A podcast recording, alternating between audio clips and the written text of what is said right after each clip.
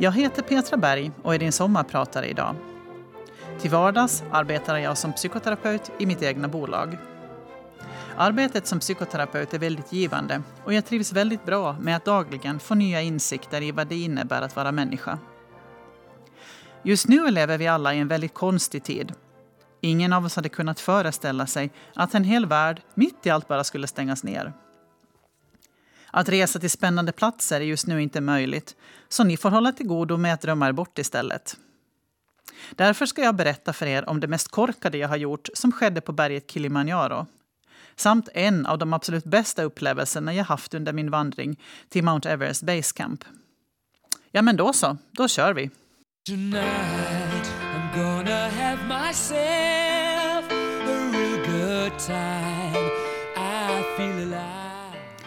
Det var Don't Stop Me Now med Queen.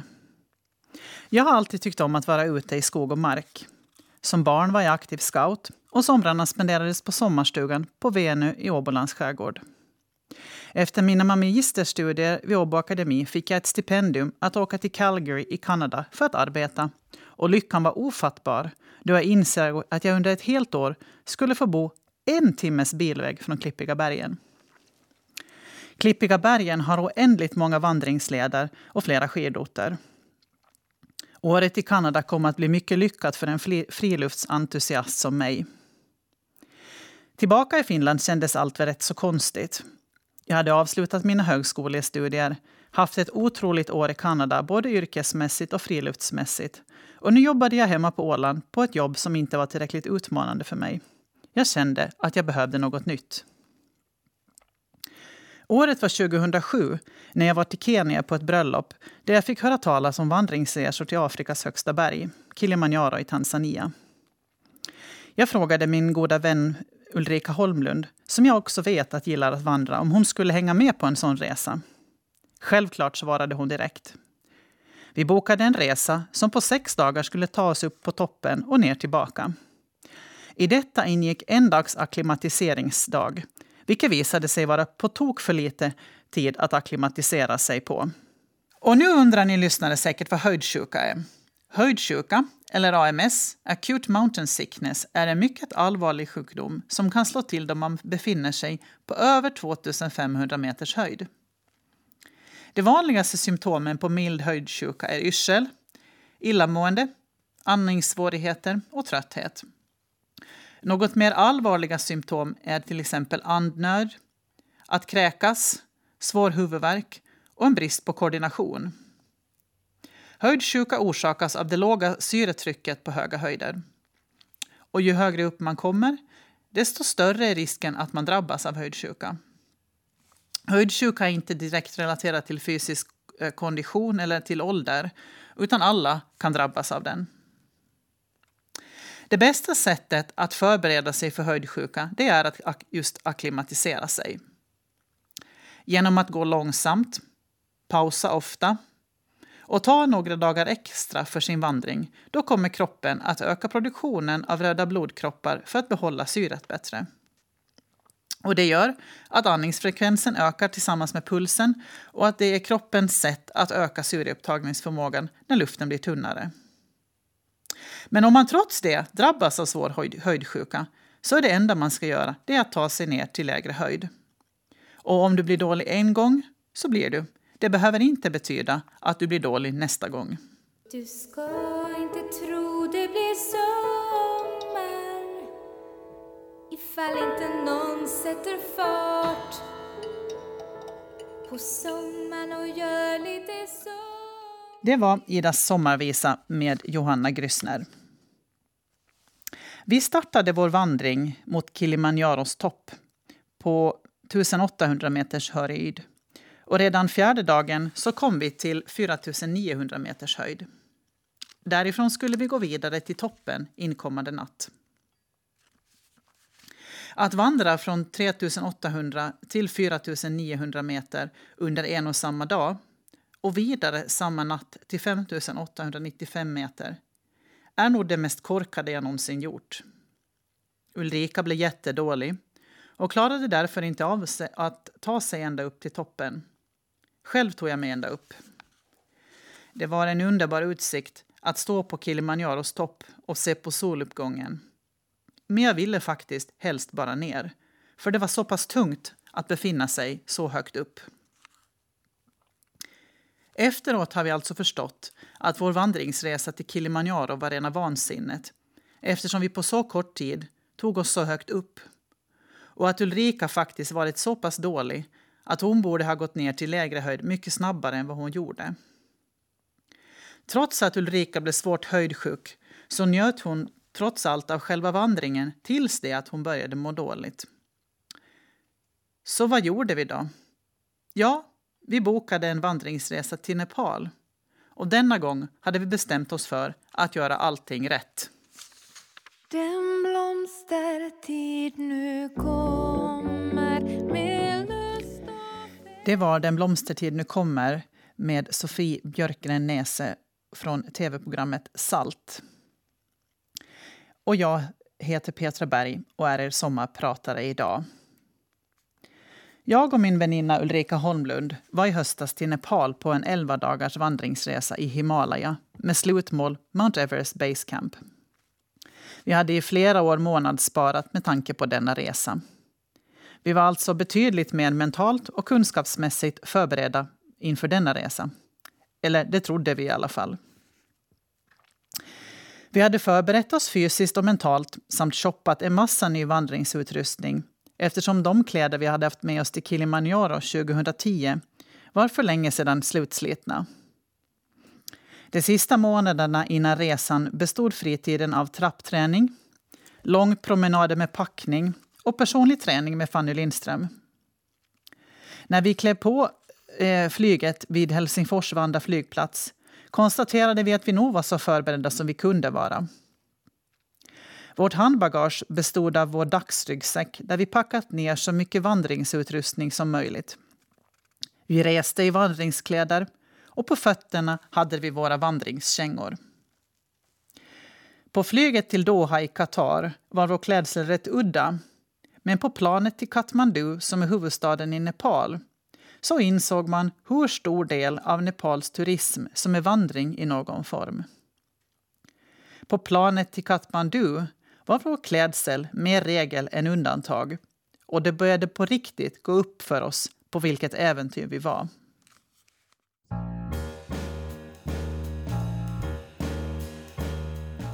Det var Caroline Furebacken och Immanuel Big Band med Det blomster som i marken bor. Vi anlände tre dagar innan vandringen skulle börja och han därför turista i Kathmandu innan vi den 11 oktober i fjol startade 02.00 med buss mot Jankapur flygplats cirka fem timmar utanför Kathmandu.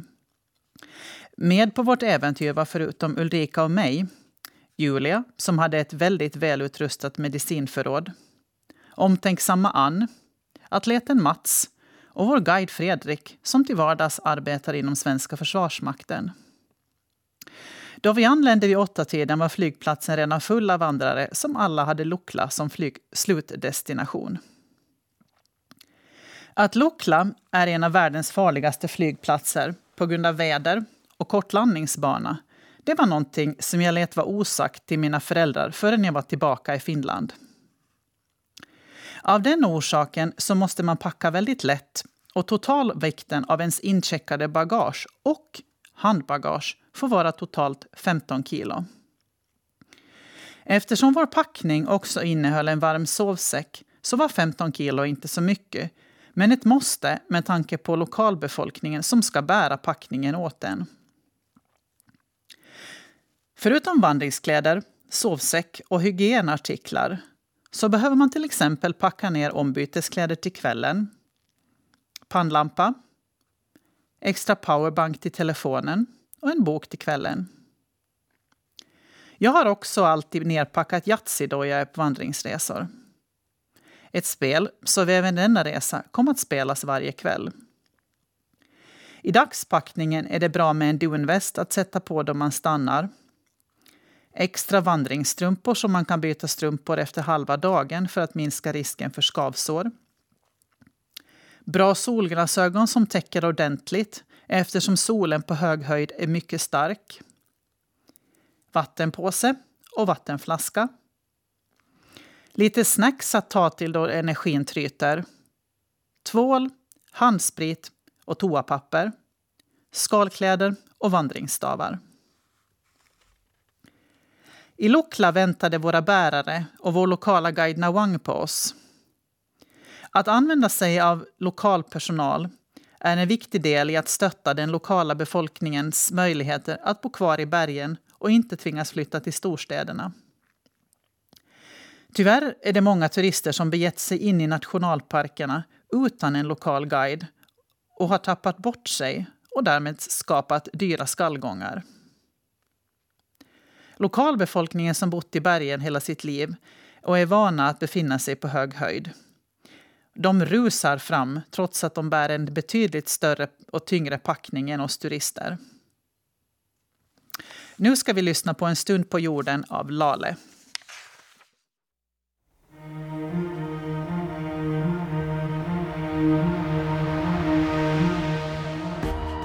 I Himalaya finns två områden som är vanliga att besöka om man är intresserad av vandring.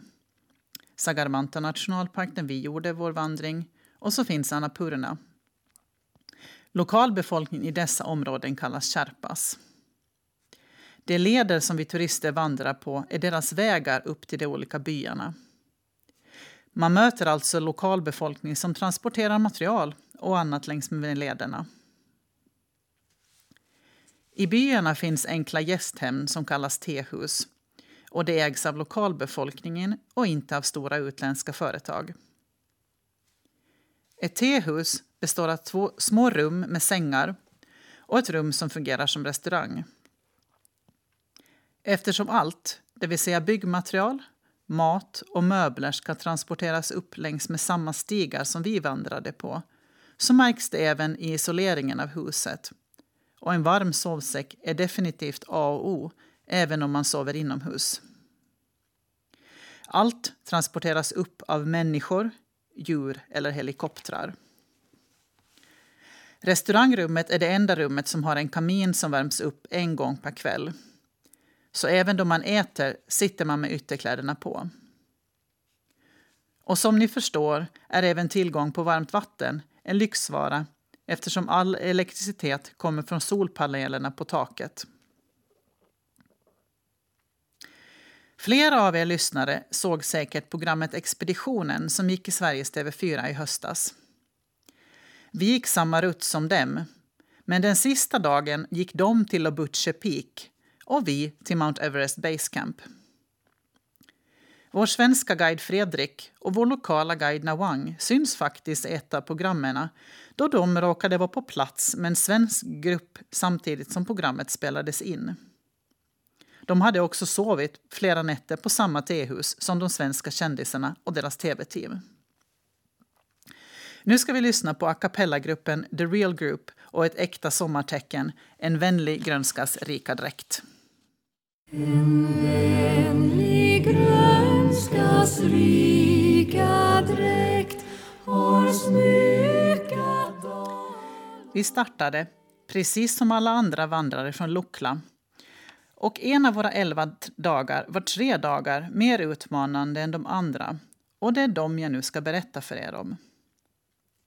Naturen i Himalaya är väldigt kuperat och stigarna som man vandrar på går upp och ner och upp och ner igen för att sen, sen gå ner och upp lite igen. Stigarna har också massor av trappor. Vårt mål för dag två var den pittoreska staden Namche Bazar som finns på en sluttning på 3340 meter över havet. För mig var den största utmaningen den dagen flera av de hängbroar som man måste gå över för att komma vidare. Eh, det enda sättet att slippa dem det var att vända om och gå tillbaka till Okla, vilket ju inte var ett alternativ. Jag ogillar svaga, svajiga boroar på höga höjder. Men efter mina psykoterapistudier i KBT så vet jag att jag har metoder för att klara av utmaningar som dessa. Min metod denna gång var att bara gå rakt fram och titta, inte titta ner och bara gå över så snabbt som möjligt. Metoden funkade bra tills vi kom till den högsta hängbron, Larja Bridge, som ligger på 200 meter över markytan. För dem av er som såg med expeditionen så minns ni kanske att Dominika Paczynski på ett ställe i programmet ringer till sin man för att få stöd då hon ska ta sig över en hängbro. Och det är alltså denna hängbro som även blev en utmaning för mig.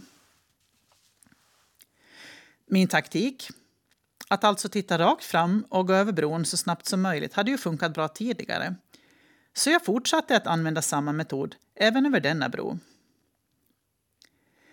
Vår guide Fredrik gick före mig och mitt på bron så stannade Fredrik och stod stilla. Jag upplevde hans skämt som otroligt dåligt och blev väldigt irriterad på honom.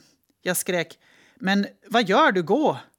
och kanske sa jag något ord som inte riktigt lämpar sig att säga här. Men eh, Fredrik, han stod kvar mitt på bron och svarade Ja, eh, det, det går tyvärr inte. Det står 20, 20 åsnor framför mig.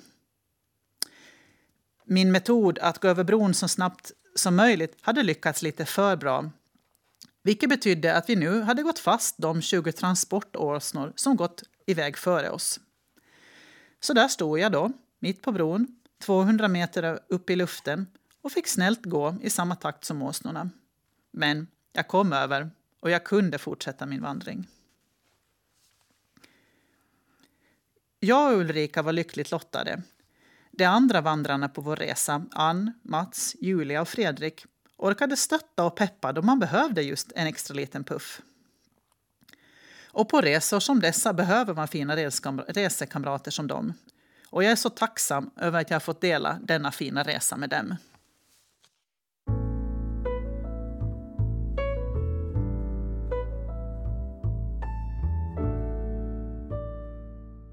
Det var Som en bro över mörka vatten med Helene Sjöholm och Anna Stadling.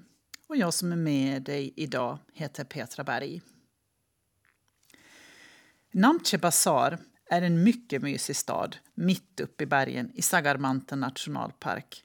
Samma nationalpark som också Mount Everest Base Camp ligger i. Sagarmanta nationalpark besöks årligen av 70 000 turister och deras guider. Och i nationalparken bor 11 000.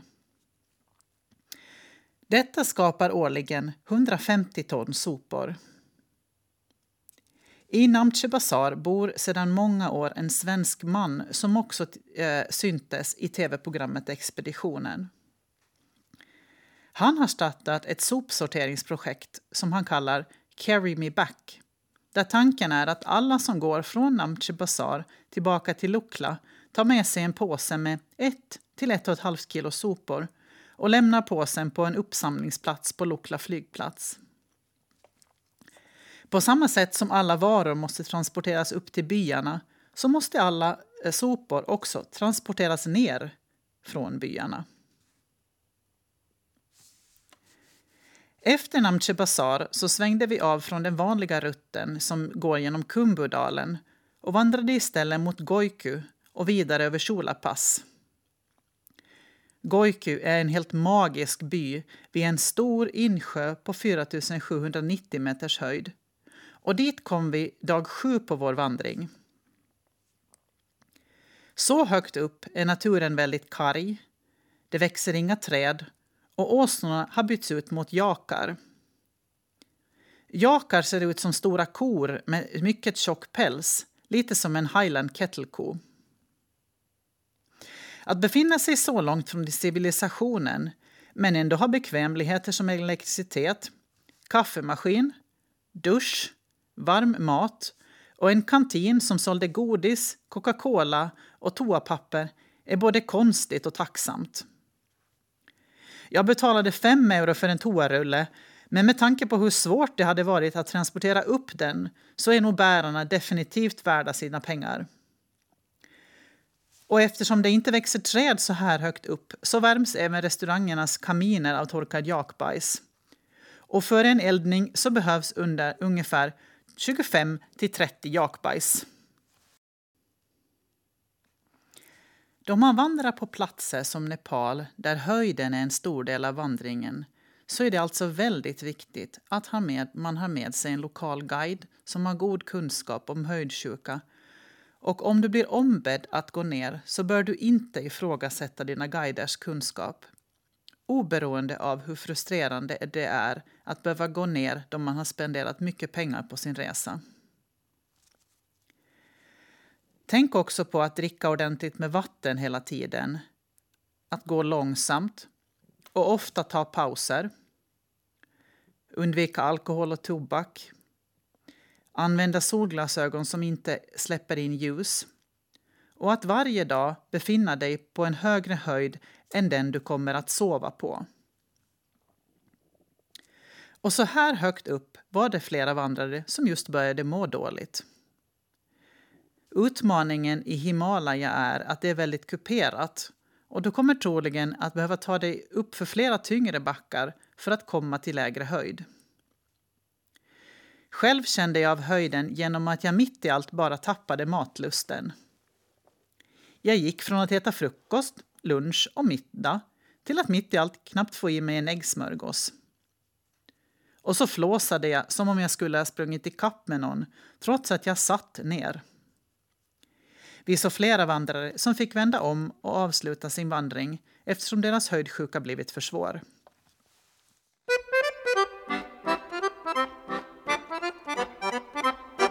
Se på luffaren som går här på vägen. Det var luffarvisan ur Rasmus på luffen. De av er som vandrat tidigare vet att man ofta stiger upp tidigt på morgonen för att packa ihop sina saker, äta frukost och komma iväg ut på leden vid nio.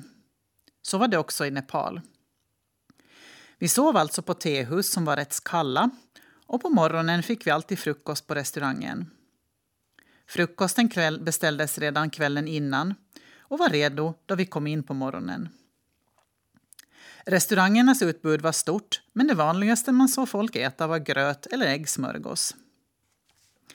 Efter att ha ätit frukost packade man ihop sin väska så att bärarna också kunde komma iväg. Vissa hade anställda ställt åsnor eller en jak som transporterade deras bagage. Vi vandrade oftast i 45 minuter och efter det hade vi 10 minuters paus. En bra rytm och det gjorde att man inte blev för trött utan pauserna kom regelbundet. Ofta blev dock pauserna lite längre än 10 minuter på grund av de magiska vyerna. Vid elva så stannade vi ofta på tehus för att dricka just te och äta lite. Och vid 13-tiden stannade vi för att äta lunch. Själv åt jag dalbat till lunch på de lägre höjderna. Dalbat är en lokal rätt som också åts varje dag av vår lokala personal. Dalbat är en linssås som serveras med ris och inlagda grönsaker, typ kimchi. Eftersom detta var en lokal rätt så var det ett säkert kort och man kunde lita på att det smakade riktigt bra. Framme vid kvällens tehus var vi ofta vid 16 och då ville man ofta gå lite en tur i den byn vi hade kommit till eller läsa sin bok i restaurangen. På rummen spenderade man egentligen ingen tid förrän man skulle sova, för de var ju kalla. Middagen serverades ofta vid 19 och då hade jag, åt man ofta en soppa eller en äggsmörgås. Och som sagt, ju högre upp man kom, desto mindre aptit hade man. Och då fick man verkligen tvinga i sig maten. Efter middagen så spelade vi ofta Yatzy och restaurangen stängdes vid 21 men då var alla redan helt slut och man var bara glad att få krypa in i sin sovsäck. Dag nio var definitivt min favoritdag, trots att det var en mycket, mycket tung dag. Men vyerna slog precis allt. Vi besteg Shula pass på 5365 meter över havet. Bestigningen var brant och svår då vi behövde ta oss över stenrösen men vi hade järnrep som man kunde hålla sig i. Utsikten uppe på passet var så magiskt att det går inte att beskriva i ord. Där uppe passade vi på att akklimatisera oss och satt därför för att bara njuta av utsikten i 45 minuter. På den här höga höjden så flåsar du fast du sitter ner. I vanliga fall så fanns det tehus längs med rutten som man kunde stanna för att fika under dagen. Men den här dagen fanns det inga tehus alls förrän vi var framme till Zongla på kvällen. Våra bärare sprang som vanligt före oss och då vi kom ner från Chola pass möttes vi ena, av, en, av en av våra bärare med en termos varm saft. Det var nog den godaste varma saften jag någonsin har druckit. Och jag började gråta över vilken enormt fin gest vår bärare visade oss. Tänk, först hade han burit vårt bagage till vårt tehus och nu kom han gåendes emot oss med varm dryck. Framme i tehuset var man efter den här dagen helt slut och då var det skönt att beställa ett fat med popcorn för att återhämta samtbalansen och dricka en kopp ingefära-te. Nu ska vi lyssna på min goda vän Sara Tiainen som under studietiden var min rumskompis. Som yngre var det en tra tradition att alltid i slutet av januari åka på ungdomens kyrkodagar i Karis.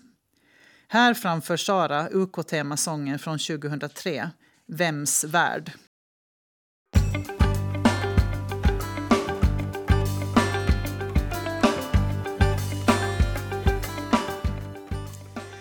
Dag 11 inleddes tidigt med mål Mount Everest Base Camp. Att komma fram var lite antiklimax. Mount Everest Base Camp är en stor sten och utsikten är inte alls lika magisk som till exempel på Cholapass. Men visst var det fint att stå där på Base Camp och föreställa sig alla de expeditioner som befinner sig där under vårarna. Jag råkade också fylla 40 samma dag och vi firade min födelsedag med fika på världens högsta café i Lobuche där vi också sov sista natten på berget. Dag 12 vaknade vi med minus 9 i vårt sovrum och vi var tvungna att hacka hål på vattenhinken innan vi kunde ta vatten åt oss på morgonen. Vi hade glädjen att få åka helikopter ut från Sagarmanta nationalpark. Flygturen var en underbar avslutning på vandringen.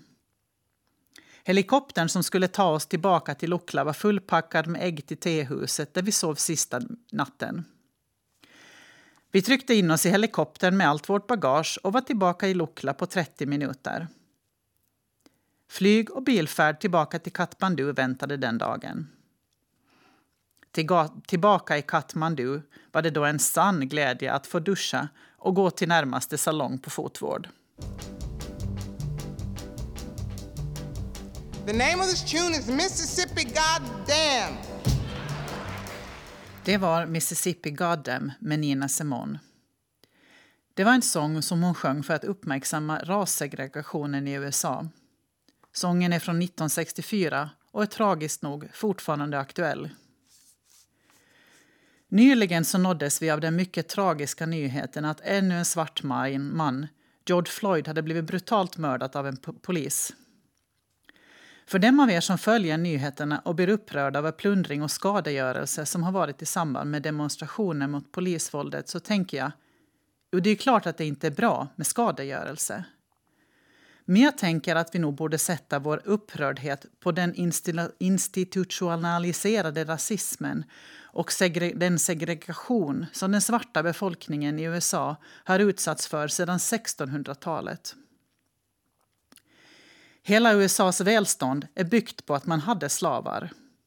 Och då slaveriet avskaffades och man förlorade fyra miljoner människor som tidigare hade arbetat gratis förändrade man bara systemet så att gratis arbetskraft istället kom från fängelserna. USA var också länge segregerat och det var först på 1960-talet som den helt avskaffades. Men polisvåldet visar på att rasismen är levande. Vi som bor i Finland går inte heller oskyldiga ut ur detta då det kommer till den strukturella rasismen. Och att vi lever i ett välstånd som är byggt på att någon annan har lidit för att vi ska ha det så bra.